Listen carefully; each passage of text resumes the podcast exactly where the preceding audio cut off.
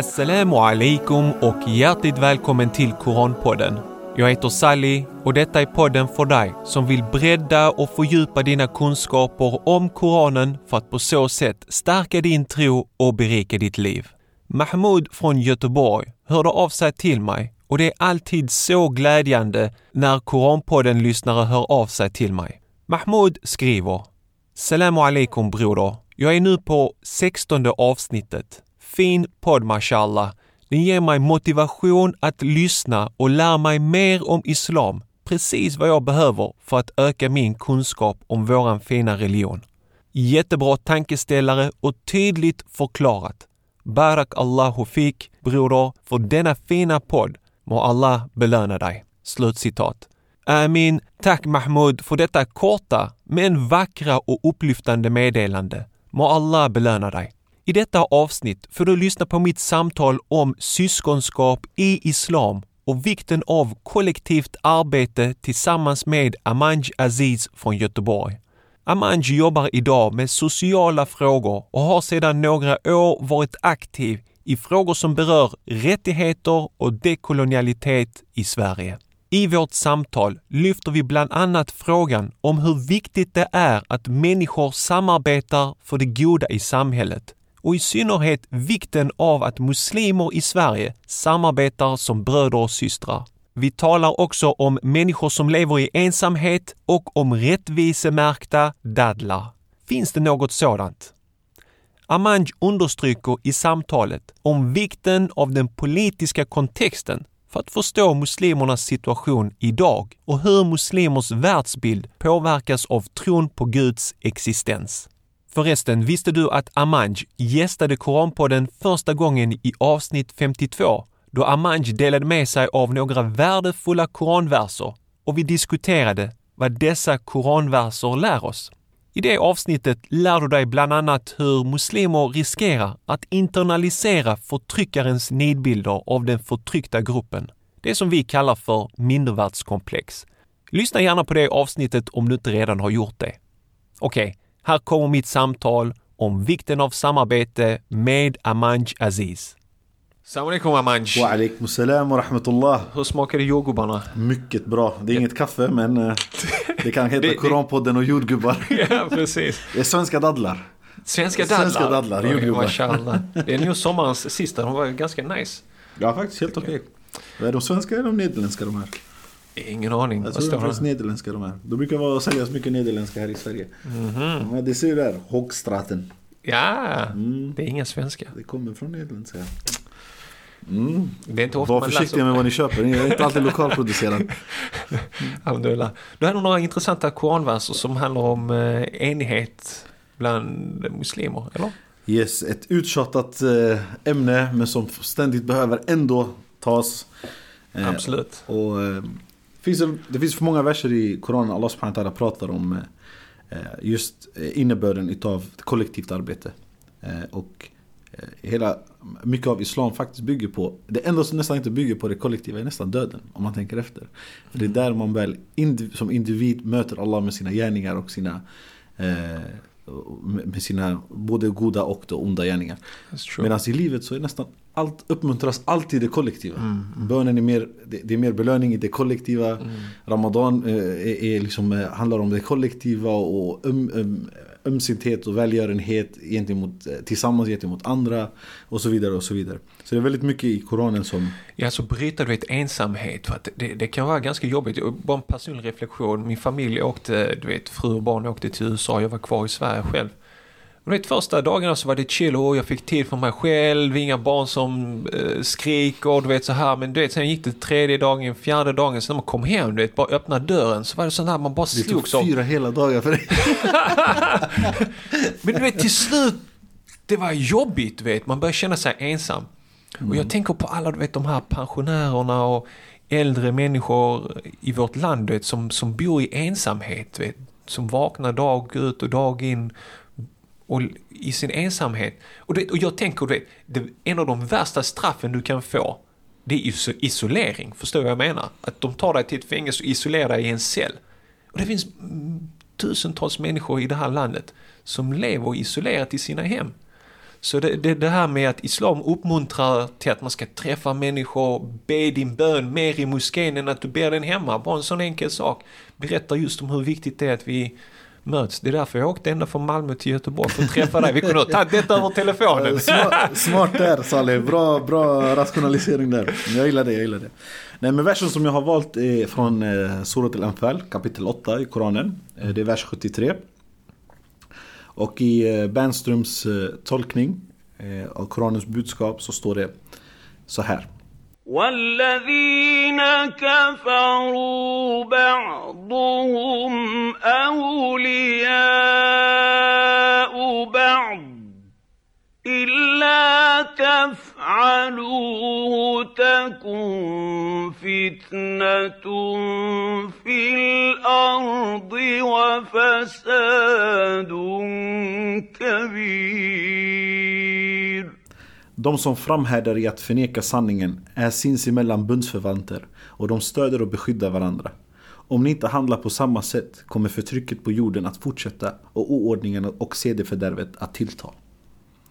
Det är starka Mm. verser. Det är det, det är det. Det är väldigt starka verser. väldigt stark uppmuntran till att man ska vara tillsammans för ett visst syfte. Absolut. Och här, här nämner också Allah subhanahu just den här Eh, jag hoppas jag inte tar mig vatten över huvudet genom att försöka eh, göra reflektioner av den här versen.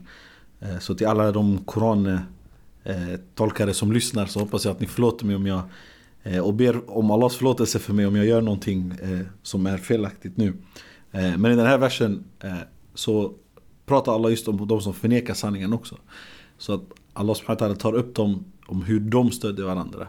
Hur de människor som faktiskt sprider sedefördärv på jorden Eh, och gör saker som på olika sätt eh, förminskar värdet på människans liv.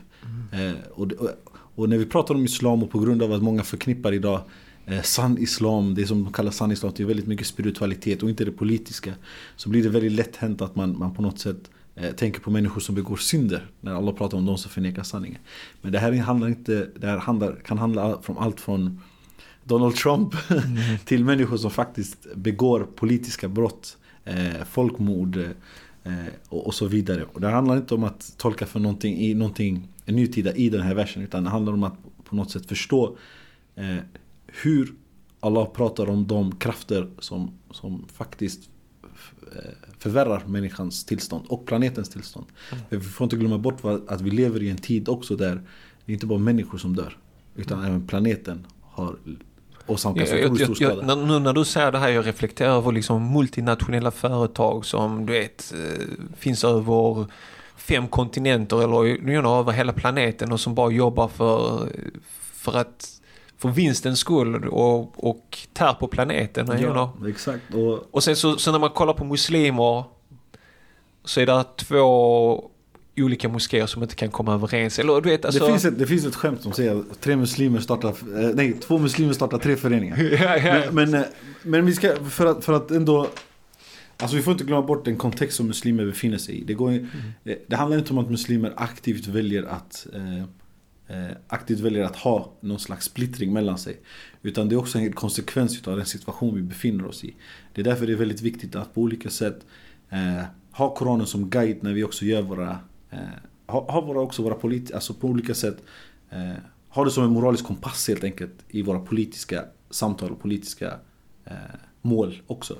Eh, och nu kanske någon säger åh det där är islamistiskt. Nej, men det handlar inte om det utan det handlar i grund och botten om att den etik som vi har i grund och botten eh, försöker vi som muslimer på olika sätt koppla till då eh, islam och det som Allah subhanahu wa ta'ala på olika sätt har förmedlat till oss.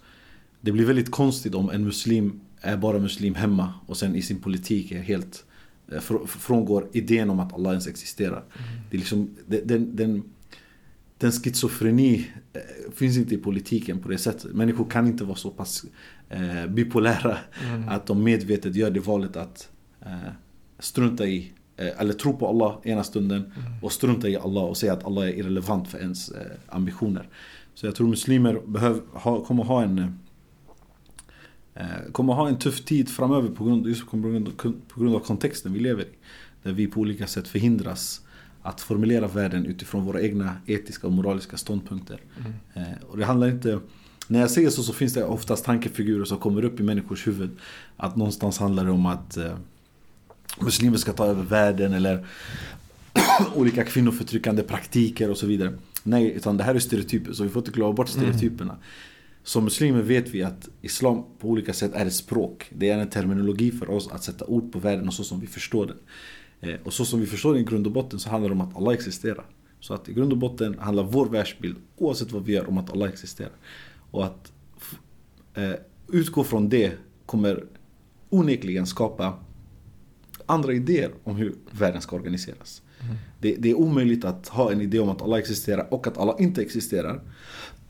Och ändå komma fram till att världen ska vara på ett eh, universalt sätt. Eh, och det existerar inte.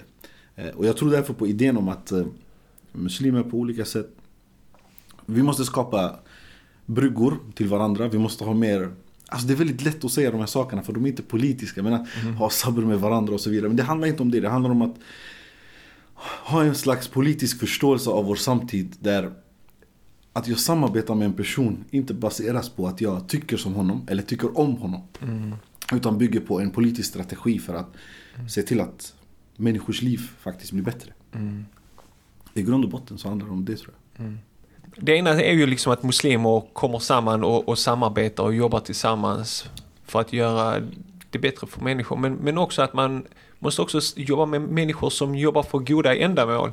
Oavsett vad de har för tro eller eh, intressen. Så för, för att jag, jag, jag tänker på det också att som muslimer så måste vi också vända oss utåt i samhället och se vilka är det som jobbar mot kriminalitet? Vilka är det som jobbar mot, ta till exempel gängskjutningarna inne i Malmö. Polisen, eh, olika myndigheter och så. Hur kan vi jobba tillsammans för att förhindra de här? Och mina bröder i orten hör att vi ska jobba med polis. Ja, ja, men du vet alltså. Eh, Mm. Jag förstår precis vad du säger. Och det, De här verserna som jag förstår det och som jag har Som jag har tagit till mig dem, den här versen eh, Handlar inte om att muslimer ska eh, exkludera sig själva utan Och Allah subhanahu pratar just om Någon som förnekar sanningen eh, Vilket ordet på, på arabiska i den här versen är kafirun. Eh, Eller ett kafara eh, som Allah subhanahu pratar om De som förnekar sanningen. Eh, Och sen är det de som tror. Och eh, man skulle kunna gå långt med, med att säga vilka är det som tror? Och är det handlar om en, en, en övertygelse om att Allah existerar? Någon slags idé om att det handlar om Allah? Eller är det de politiska ambitionerna som är i fokus? Visst det är kanske en kontroversiell eh, förståelse av den här versen men jag skulle säga ändå att eh, Alltså i slutändan måste vi hitta former För jag tror att det är många där ute som vill göra världen till en bättre plats och inte är nöjd med hur världen ser ut idag. Eh, vi ser krig, vi ser fattigdom, vi ser förtryck. Vi ser dagligen ehm, eh, alltså, så, eh, så simpla grejer som att stå i en matkö kan frambringa människors rasism och helt plötsligt skrika saker efter en. Människor har, har, det finns väldigt många människor som känner av att det här funkar inte. Det här levnadssättet vi har funkar inte. Att ha massa miljon, eh, att ha massa de här mång, eh, miljonsindustrierna med multinationella företag som bara kapitaliserar på oavsett vad människor går igenom för det. Det funkar inte. Eh, Det finns till exempel ett exempel, ett exempel som jag hörde en gång att eh, som muslimer har vi inte formulerat en, en kollektiv eller en gemensam eh, bra intellektuell grund till exempel mot kapitalismen. Eh, Samtidigt som vi på olika sätt fördömer det indirekt men använder samtidigt kapitalismens förtjänster utan att blinka. Så vi har inga problem med att ha på oss en kamis eller en tob som är skapad i Pakistan av ett litet barn. Ja, och vi det. tänker inte på det et- oetiska i att faktiskt utnyttja våra egna syskon och våra egna barn i de kläder och, och, och, och, verktyg och apparater som vi har. Samtidigt som vi då Mm. pratar om etik. vi har inga rättvisemärkta dadlar. Alltså vi, vi, vi har, lägger inte så stor fokus, alltså till och med till den Ja. graden att vi säljer israeliska dadlar. Ja. Eh, utan att tänka på var kommer de här dadlarna ifrån. Precis. Det här kan vara kontroversiellt. Eh, Nu, jag hörde faktiskt om en imam som, eh, eh, i London som blev eh, avhyst från moskén. Faktiskt av moskéns styrelse för han hade avrått från att köpa israeliska dadlar. Så det kan vara Men Irland har jag sett har offentligt i parlamentet kommit fram till att de ska bojkotta Ja exakt, har varit gått med på bojkott, eh, den här BDS eh, verksamheter som är internationell. Nelson Mandela bland annat för jag. Om jag minns rätt så stödde han även det eh, initiativet. Så, Men i länge man, så länge man gör det i politiskt, förstår jag vad jag menar. Så, you know. Så, eh, så, alltså det är det jag menar med den här versen går, kan gå mycket längre än bara Det handlar inte om din lokala moské. Det handlar om ett, ett, ett mindset som handlar om att solidarisera med människor och också organisera sig med människor som har någon slags politisk vision om världen. Eh, att världen på något sätt inte är bra just nu men också har en vision om att den ska bli bättre. Då. Eh, och jag tror det är absolut jättemånga, jag tror det är väldigt många som går i de tankarna. Eh, både muslimer och icke-muslimer. Jag tror att det finns många som eh, vet att det här systemet vi har med, med nationsstaten som en, en enhet där människor tvingas assimileras inte riktigt funkar. Och att många är ute efter en idé om hur kan vi leva som människor med väldigt många olika sätt att se på världen tillsammans ändå. Eh, och där vi faktiskt får möjlighet att, infly- att ha inflytande i, i ett samhälle. Eh, och jag tror det är också den här, där den här versen handlar mer om en, alltså på en operationell nivå. Eh, och, och, och att vi på något sätt måste kunna jag har väldigt svårt att se att mm, de muslimska makt, de olika muslimska maktcentren som har funnits i historien, kalifat och what have you. På något sätt alla människor tyckte om varandra där och det var halleluja moments och det var inga försök att överta makten. Utan nej, det handlar faktiskt i grund och botten om att de människor samsades kring att ha en politisk vision. Alltså, det är ganska enkelt egentligen. Eh, här ser vi till exempel när det kommer till antiradikaliseringsarbetet och eh, till kriget mot terrorismen. Människor samsas från helt vitt skilda politiska läger för att införa antiradikaliseringsåtgärder. Hur gör vi i, i kontrast till det? Så vi har människor som eh, formulerar de här policies och politiken kring kriget mot terrorismen. Den ena är moderat, den andra är liberal, den tredje är socialdemokrat, den fjärde är sverigedemokrat. Och de ska samsas kring just det här målet. Medan det andra fältet har ju fortfarande en idé om att alla i gänget måste tycka om varandra först. Och som jag sa, det är en konsekvens av den kontext vi också befinner oss i. Så jag tror inte det, muslimer ska inte klandras för den situationen. Eller, men jag tror däremot att vi måste börja prata om det. Och också börja inse det faktum att när någon kallas salafist eller när någon kallas extremist så handlar det inte om att de är salafister eller extremister. Eh, Jag såg häromdagen en sheikh som är väldigt känd i traditionella kretsar eh, och som jag vet också är känd i sofistiska kretsar hade kallats, hade kallats salafist. Eh, Och rasismen bryr sig inte riktigt om eh, de bryr sig inte om riktigt Det är inte så att när de ser det de tänker Är han salafist? Ska jag attackera honom? Eller är han sån här helt moderat muslim? Okej. Utan idén som han har fått från, från, från den populistiska opinionen tar han med sig och sen agerar han på den eh, utifrån det han ser. Och Sen bryr han sig inte om vad, vad Alltså, du shia, sunni. Det, eh, det finns ju bröder i Malmö som har blivit påhoppade, alltså där folk har skrikit, skrikit jävla salafist. Och, och, och brodern tillskriver sig inte salafism utan tvärtom tillhör mer den sofistiska traditionen, hänger du med? Men jag såg ett videoklipp med en rabbin som sa jag har råkat ut för islamofobi. Folk, eh, det var någon som skulle sätta sig, var han på en buss eller han var i ett, eh, en restaurang och det var någon som sa så här, "Öpp- jag vill inte sätta mig bredvid den här terroristen Osama bin Laden och så här och han var judisk traditionell men du vet stort skägg och så här. Så han bara liksom, vi judar, vi måste jobba emot islamofobi, det drabbar oss också, så jag menar. Och det hände ju med den här fotbollsspelaren också, Durmas. Eh, Exakt. vet, han, är- han är inte muslim men de bara, okej, muslimsk terrorist, you know, han fick allt det där. Så att, Och, och, men jag, jag tror, är det inte Mattias Gardell också som har det i sin definition av islamofobi att eh, att islamofobi drabbar de som, som, som är muslimer men också de som uppfattas, Uppfattas. vara muslimer. Yes, absolut. Och vi ser till exempel sikher i USA. För något Ja. år sedan var det ju terrorattack mot en sikhisk tempel där eh, flera sikher fick eh, lägga livet till. Och eh, det är väldigt viktigt för oss att på olika sätt solidarisera med, alltså med alla Har, slags... har du sett det där videoklippet eh, med den här siken som är politiskt aktiv i, i Kanada? Där det är en kvinna som kommer fram och bara så här, "Du, Avslöja nu dina, berätta om dina sharia-lagar och sånt här som du vill. Och han, och han, och han tar inte avstånd. Och det är det fina. Och det är det här, det här väldigt, väldigt fint Så- exempel, föregångsexempel på hur, eh, om du kallas salafist och säger nej men jag är inte salafist. Vad du gör när du säger jag är inte salafist är att du säger att då finns det godtycklighet, äh, godtyck, godtyckbara, eller vad säger man, acceptabla former av förtryck som vi kan utöva på de som är salafister. Jag har blivit kallad salafist.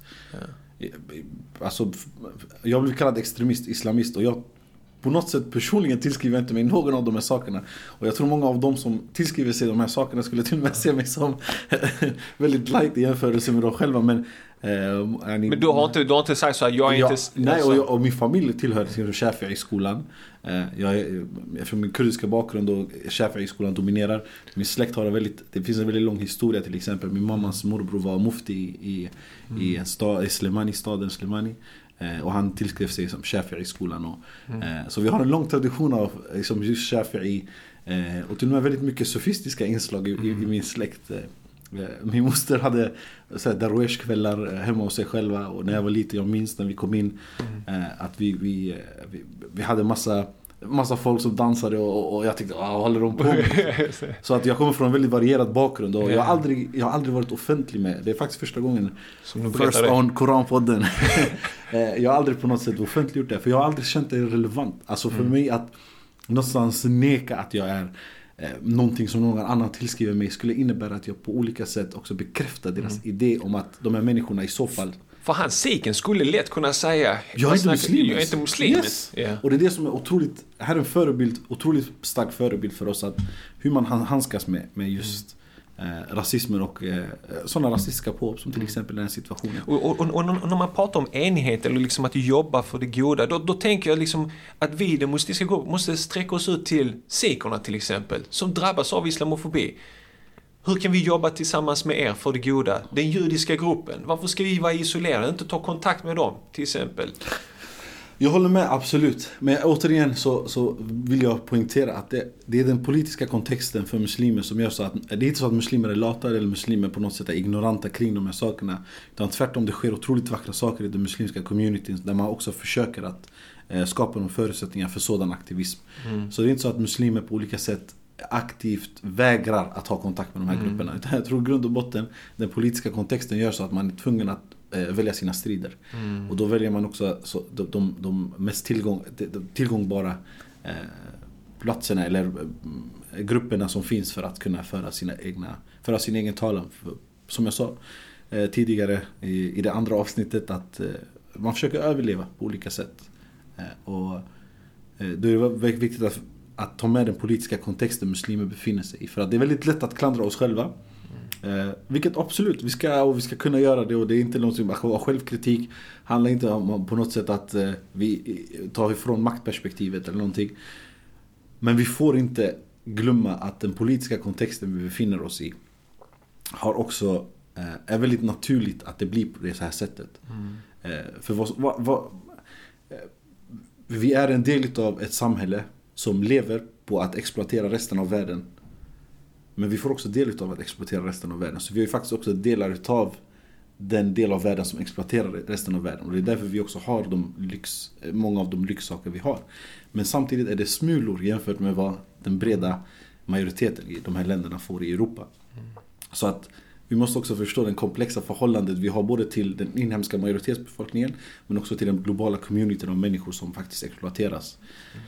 Jag tänker på alla saker vi har made in China. Alltså, det, tror vi verkligen att det är en industriarbetare i svensk, eh, alltså på, på någon slags eh, svensk fabrik eh, i samma eh, standard, alltså den här personen lever har samma standard som den här människan i en svensk fabrik. Mm. Är det fattiga människor som verkligen existerar på ett existensminimum och som de får genom att exploateras i att få kunna producera saker till lägre kostnader för oss. Mm. Så att vi i Europa kan köpa. Så att det handlar också om, den här enigheten handlar också om mer abstrakt, på en abstrakt nivå. Det handlar också om att kunna faktiskt solidarisera med utsatta människor över hela världen. Mm.